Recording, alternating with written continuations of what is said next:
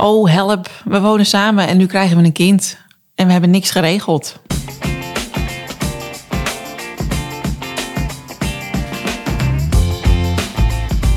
Hey, fijn dat je luistert naar de Scheidpodcast. Ik ben Carly Timmerman van Bureau Carbon, host voor gezinsvriendelijk scheiden. En ik ben Anneke de Groot, bedenker van gezinsvriendelijk scheiden en de grote vriendelijke bemoeial voor alle gezinnen. We nemen je mee in de wereld van fabels, feiten, statements en informatie als het gaat over scheidingen of uit elkaar gaan. Welkom.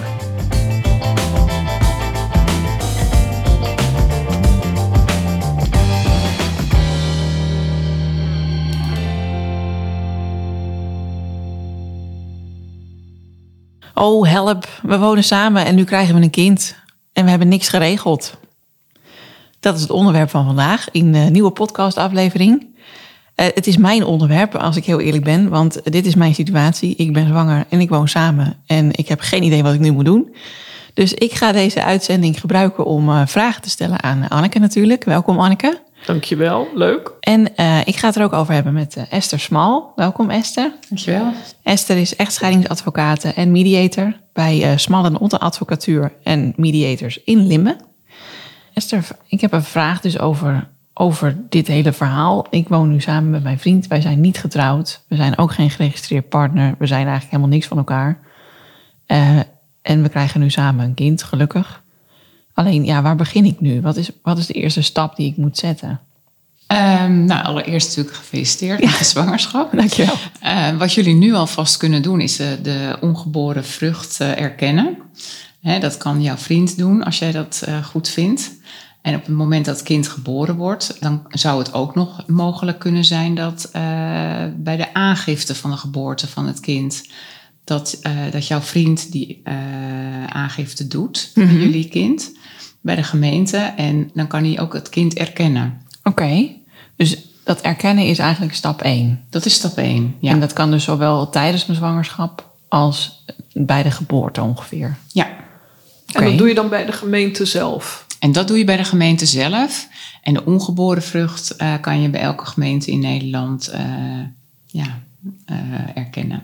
Althans, je vriend. Ja, dat kan dan eventueel ook digitaal. Ja. Of moet je dan ook echt naar zo'n kantoor? Ja, inmiddels kan dat digitaal. Ja, oh ja, handig. En je moet het wel allebei over eens zijn. Dus het is niet zo dat hij dat kan erkennen zonder dat ik daarvan af weet. Nee, jij moet wel toestemming verlenen. Ja, een mooie positie is dat. Hou ik wel van. Ja, de vrouw heeft daarin eigenlijk wel nog steeds een heel bevoorrechte positie. Ja, dat is wel opvallend. Want ik, ik heb dus automatisch het kind erkend eigenlijk. Ik hoef dat niet nog extra te regelen. Nee, want het komt uit jouw buik. Ik kan me voorstellen dat jouw vriend ook heel graag um, ja, zaken hè, wil meebeslissen over de verzorging en opvoeding van jullie kind. Mm -hmm. Um, dan uh, is de volgende stap het gezag. En dat kunnen jullie samen regelen. Het gezag? Het gezag over jullie kind. Ja. Oké. Okay. En wat houdt dat in? Wat betekent het als je gezag hebt? Uh, als je gezag hebt, dan kan je uh, meebeslissen. Dus uh, voor medische, medische beslissing bijvoorbeeld, als je kind geopereerd moet worden. Um, dan vraagt een arts altijd van, heeft u het gezag? En aan jou, uh, jij komt met het kind mee en dan moet de vader uh, meestal, als die gezag heeft, ook meebeslissen over, die, uh, mee, over de medische handeling die verricht gaat worden. Ja, ja. En geldt dat dan alleen voor medische handelingen of zijn er nog meer van dit soort situaties? Dat geldt bijvoorbeeld ook voor het aanvragen van een ID-bewijs of van een paspoort. Als jij geen gezag hebt, dan kan jij niet een paspoort aanvragen voor jouw kind. Hm. Oké. Okay. En stel dat hij een keer zonder mij met het kind op vakantie wil? Ja, dat kan natuurlijk. Ja. Als jij toestemming geeft. Ja, precies. Maar dat is dan in de situatie dat hij dan nog geen gezag zou hebben. Want als hij gezag heeft, kan hij gewoon met het kind uh, de grens over. Ook dan heeft hij toestemming nodig van jou. En dat geldt ook voor jou. Dus als jij met jouw kind, uh, en hij heeft ook het gezag over jullie kind. En hij, jij gaat met jullie kind uh, op vakantie dan zal, hij, uh, zal jij aan hem toestemming moeten vragen. En uh, hoe doe je dat dan? Met een formulier of zo? Moet ik dan echt schriftelijk indienen? ja, er zijn echt speciale ja, er zijn, Je kan, uh, als jij googelt op toestemming buitenland reizen minderjarigen... dan eh, zie je een bericht van de Rijksoverheidsdienst en daar kan je dus het formulier eh, op downloaden. Kan je helemaal laten invullen. Even een kopietje van, eh, de, van het betreffende paspoort van de, nou ja, de ouder die achterblijft. En dan eh, kan jij op reis. Moet je natuurlijk wel kijken welke eisen stelt een land aan ja, de, de inreizende eh, toerist. En er zijn bijvoorbeeld landen eh, die zeggen van je moet een geboorteuittreksel ook meenemen naast het formulier. Jeetje joh, wat een toestand. Dan is dit ook als je getrouwd bent het geval. Ja, Oké. Dan hoef je, tenminste, dan moet je ook een toestemmingsformulier mee, eh, meenemen. En ook kijken naar eh, ja, de eisen die een land stelt. Ja, ja. Ja, als je bijvoorbeeld naar Zuid-Afrika gaat, dan heb je geboortebewijzen, of uittreksel uit het geboorteregister van je minderjarige kinderen nodig. Die moet je dus overleggen. Ook al ben je met z'n tweeën, moet je toch die bewijzen meenemen. Ja, joh. Oh, nou, ik dacht, ik ga gewoon lekker een weekendje naar Parijs. Kind op mijn rug, niks aan de hand. Maar dat kan dus niet zomaar. Nou ja, als je met z'n tweeën gaat, kan het wel. Ja, ja, precies. Ja, ja, als je alleen gaat moet je het wel regelen. En het gebeurt niet vaak dat het geregeld wordt. Wel pas op het moment dat de ouders uit elkaar zijn. Het wordt weinig gecontroleerd. Dat is denk ik wel wat ik de makke vind hieraan. Eh, omdat het ook juist bedoeld is om die kindontvoeringen tegen te gaan. Ja, ja, Ja. dat zijn natuurlijk, dat is Ja. waarom het bestaat waarschijnlijk. Ja, Ik kan me dit ook helemaal niet herinneren. Dat ik bijvoorbeeld met mijn moeder ben ik ook wel eens weg geweest toen ik een jaar of 16 was. Dus toen was ik nog minderjarig. Nou, het is wel iets van de laatste paar jaar hoor. En ik weet, eh, op Schiphol wordt er tegenwoordig wel gecontroleerd. Ja, en ze kunnen echt wel heel moeilijk doen. Ja, dus dat zal met name op het vliegveld ook die Ja. controle plaatsvinden. Want als je in de auto stapt, is dat misschien wat minder eh, aan de ja, hand. dat gebeurt het bijna nooit. Nee. Ja, en wat ook regelmatig gebeurt, denk ik, waardoor er minder controle is, eh, als een van de partners met nieuwe vriend of vriendin reist. Oh dan ja. ziet de douane dat vaak al als gezin Ja. en oh, dan zal het wel oké zijn. Ja, en ik denk je zou het standaard gewoon moeten controleren. Ja, dus Ja, echt, horen echt deze checken. kinderen bij deze twee mensen. Ja. Ja. En dan is het dus echt van belang dat je dat gezag goed geregeld hebt. Ja, Oké. Ja. Goed, dus we gaan erkennen. We gaan gezag regelen. Zijn er dan nog dingen die ik... eh, een testament. Oh, oké. Jullie moeten alle, althans jullie moeten. Mijn advies is eh, dat jullie alle twee een, een testament laten opstellen. Waarin je ook aangeeft dat stel dat jullie met z'n tweeën op reis gaan en jullie overlijden, alle twee. eh, en jullie hebben nog een minderjarig kind. ja, wie zal dan de voogd zijn van jullie kind? Ja. Dus dat moet je ook regelen. En dat moet je ook regelen als je gehuwd bent of geregistreerd partnerschap. Maar dat zou wel mijn advies zijn dat je dat regelt. En wie, Ja. eh, de- wie gaat dan het bewind voeren over eh, het vermogen van je kind? En stel dat je dat eh, vergeet, want ik zie nu toch heel veel stellen die geen testament hebben opgesteld. Wel samenwoners, wel minderjarige kinderen. Dus je hebt het niet geregeld en je komt per ongeluk bij een auto-ongeluk allebei om het leven. Eh, en jullie kinderen zitten thuis bij de oppas. Nou En ja, dan? op het moment dat er sprake is van overlijden, dan gaat er meteen een melding eh, naar de gemeente. En die stuurt het door naar de Raad voor de Kinderbescherming. En die gaat dan kijken van, ehm, ja, en vaak is er ook al familie die zegt van, ja, wat moeten we doen? Maar de Raad voor de Kinderbescherming die gaat dan vervolgens onderzoeken wie, eh, nou ja, deels bij, het kind- bij het kind staat. Ehm, is er een testament of niet? En als er geen testament is, ja, dan ga je toch kijken van, eh, waar kunnen de kinderen eh, terecht? Wie kan dan de voogd zijn over de kinderen? Want dan kan er ook heel veel getouwtrek ontstaan als je niets regelt. Ja. Eh, dat opa's en oma's of ooms en tantes, allemaal natuurlijk met de beste en liefste bedoelingen, absoluut. Maar daar gaan wel de escalaties in de familiesfeer ontstaan. Ja, klopt. Dus mijn advies is om dat ook eh, te regelen met een testament. En is het dan zo dat er dus precies hetzelfde in mijn testament moet staan als in het testament van mijn vriend? Nou, voor wat betreft de kinderen zou dat wel mijn advies zijn. Want anders krijg je het getouwtrek waar Anneke het over heeft. En kun je zo'n testament laten aanpassen zonder dat de ander dat weet? Ja, Oké. dat is een eenzijdige rechtshandeling. Dat gebeurt ook wel eens. Dat geeft ook verrassende effecten. Ja, zien jullie dat wel in de praktijk? Ja. Ja, dat gebeurt wel eens. Eh, dat gebeurt ook bij notarissen. Die kunnen daardoor ook eh, verrast zijn. Alleen ja, je mag niks zeggen. Ook de notaris heeft natuurlijk gewoon de geheimhoudingsplicht. Uh, maar stel dat jullie komen op maandag en jullie zeggen allebei, nou, we gaan het kruislinks doen in de testamenten. We zijn het er allebei over eens. Ze gaan naar de moeder van jouw partner. En op het moment dat hij twee dagen later komt en tegen de notaris zegt: Nee, ze gaan naar mijn zus. Die ga ik aanwijzen. En stel dat hij de langst levende is. Dus jullie komen beide om het leven, maar hij blijft net één uurtje langer leven. Ja.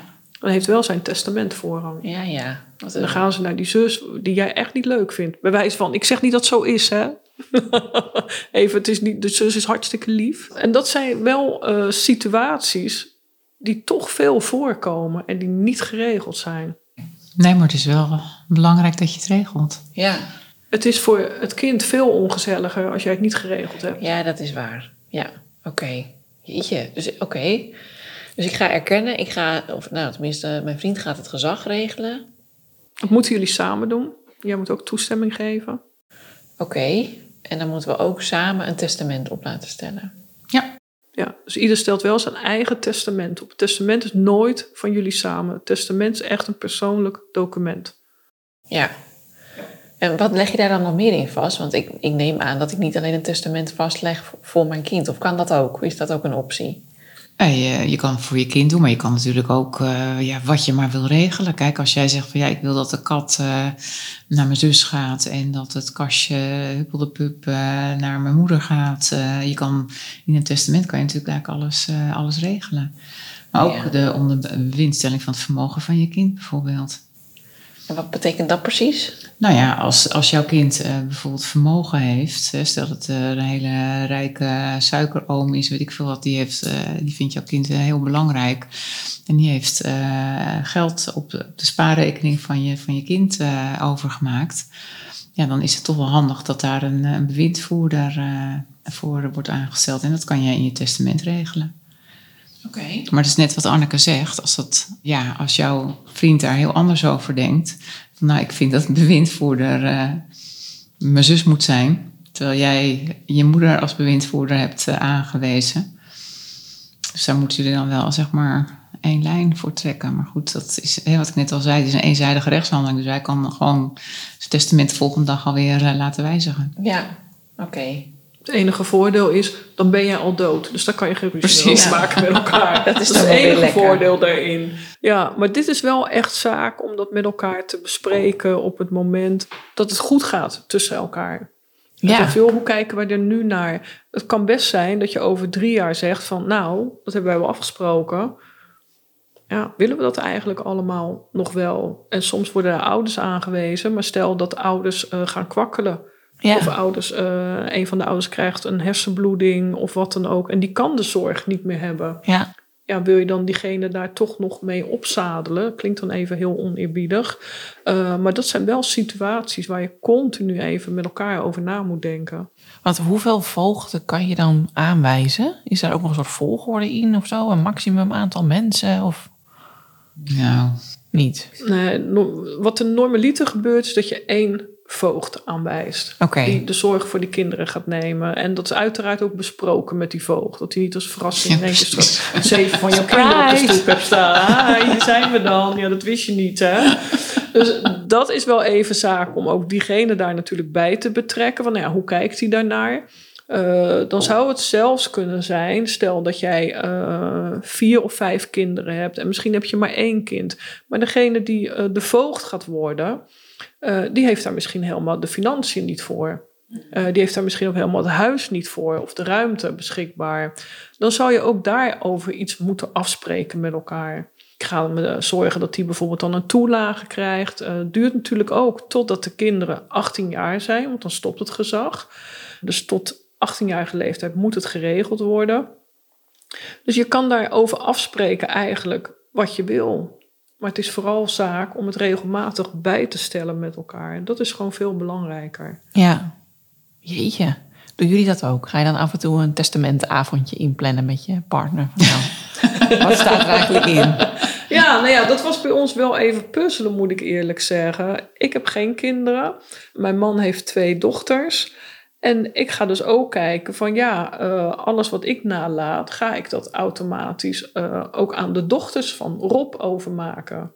Terwijl ik ook uh, neven heb die voor mij ontzettend belangrijk zijn. Dat zijn mijn kinderen, zeg maar. Mm -hmm. Dus wij hebben daar wel met elkaar over gepuzzeld. Nou, hoe gaan we dat doen? Ja. Dus wel een gedeelte, ja, wat we gesplitst hebben, wat van mij dan naar de neven uh, gaan. Bij deze jongens, maar het is niet veel. Dus uh, ga het niet alvast uitgeven van tante Ann. En ja, dus ook daar is het natuurlijk heel erg van belang om daar met elkaar over om de tafel te gaan zitten. Want kijk nu naar al die samengestelde gezinnen. Ja. Nou, dat wordt echt ontzettend ingewikkeld. Ja. Ga het maar bespreken en zeg je maar tegen je partner, ja, uh, ja, leuk, die uh, vier zonen van jou, maar mijn twee dochters, ik wil eigenlijk dat alles naar mijn twee dochters gaat, want jouw ouders zijn vermogend, dus die vier zonen van jou hebben in de toekomst geen zorgen. Maar mijn dochters, ja, die komen er wel een beetje bekaard vanaf. Ja, ja, ja. Nou, dat zijn niet de meest ja, gezellige onderwerpen, wel onderwerpen die je moet bespreken met elkaar. Ja. ja. En op het moment dus dat, dat ons kind straks 18 is, dan heeft hij zelf het gezag. En dan heeft hij dus ook zelf. Nee, dan heeft niemand meer gezag. Nee. Maar dan mag hij wel zelf vertellen wat hij gaat doen. Dus stel dat jullie dan een uh, spaarrekening hebben uh, op zijn naam. Dan is dat echt van hem of haar. Want we weten nog niet uh, wat jij gaat krijgen straks. En ja, dan heb jij daar niets meer over te zeggen. Dus als jij zegt van oké, okay, nou papa en mama hebben 18 jaar gespaard uh, voor die doktersopleiding voor jou. en hij komt thuis met een vette Porsche. Ja, dan mag dat wel. Ja, ja. Is dat wel zijn keuze. Want dan is het wel zijn geld op dat moment. Oké, okay. ja. Nou, dat is ook wel goed om te weten. Hey, en zijn er nog meer situaties, want we hebben het nu even over medische situaties gehad, over vakantie, over nou ja, overlijden. Zijn er nog meer van dit soort live events die belangrijk zijn om te bespreken? Schoolkeuze. Ja, de, de opleiding. Ja. Als gezaghebbende ouder uh, heb je daar natuurlijk ook een beslissende stem in. Dus dan mag je bepalen naar welke basisschool of middelbare ja, dat school. gaan de ouders dan, die, die het gezag voeren, die, die bepalen waar het kind dan naar school gaat. In overleg met het kind. Maar... Ja. ja, gelukkig wel, ja. Oké, okay. oh ja, dus dat is ook nog wel iets waar je, waar je natuurlijk controle over wil hebben, neem ik aan, ook als vader. Ja. En zien jullie veel uh, situaties, Anneke, jij bent natuurlijk uh, gezinsvriendelijk scheiden begeleider. Mm-hmm. Dus jij begeleidt gezinnen. En jij bent ook mediator, Esther. Zien jullie veel situaties waarin dit dus nou ja, minder goed geregeld is of helemaal niet geregeld is? Ik, ja, ik zie verschillende situaties. Soms heb je een situatie, denk van hé, hey, die hebben er goed over nagedacht, hebben het goed geregeld met elkaar, willen gewoon het beste voor het kind. Daarnaast zijn de ouders die hebben niets geregeld en dan ontstaat er wel de escalatie hier in de kamer. Want ga dan nog maar eens het gezag gunnen, want dat is het, hè, gunnen aan de partner waar je nu van uit elkaar gaat. Want dat kan dus ook nog later. Je kan ook nog zeggen later in je relatie van nou, je had het gezag nog niet.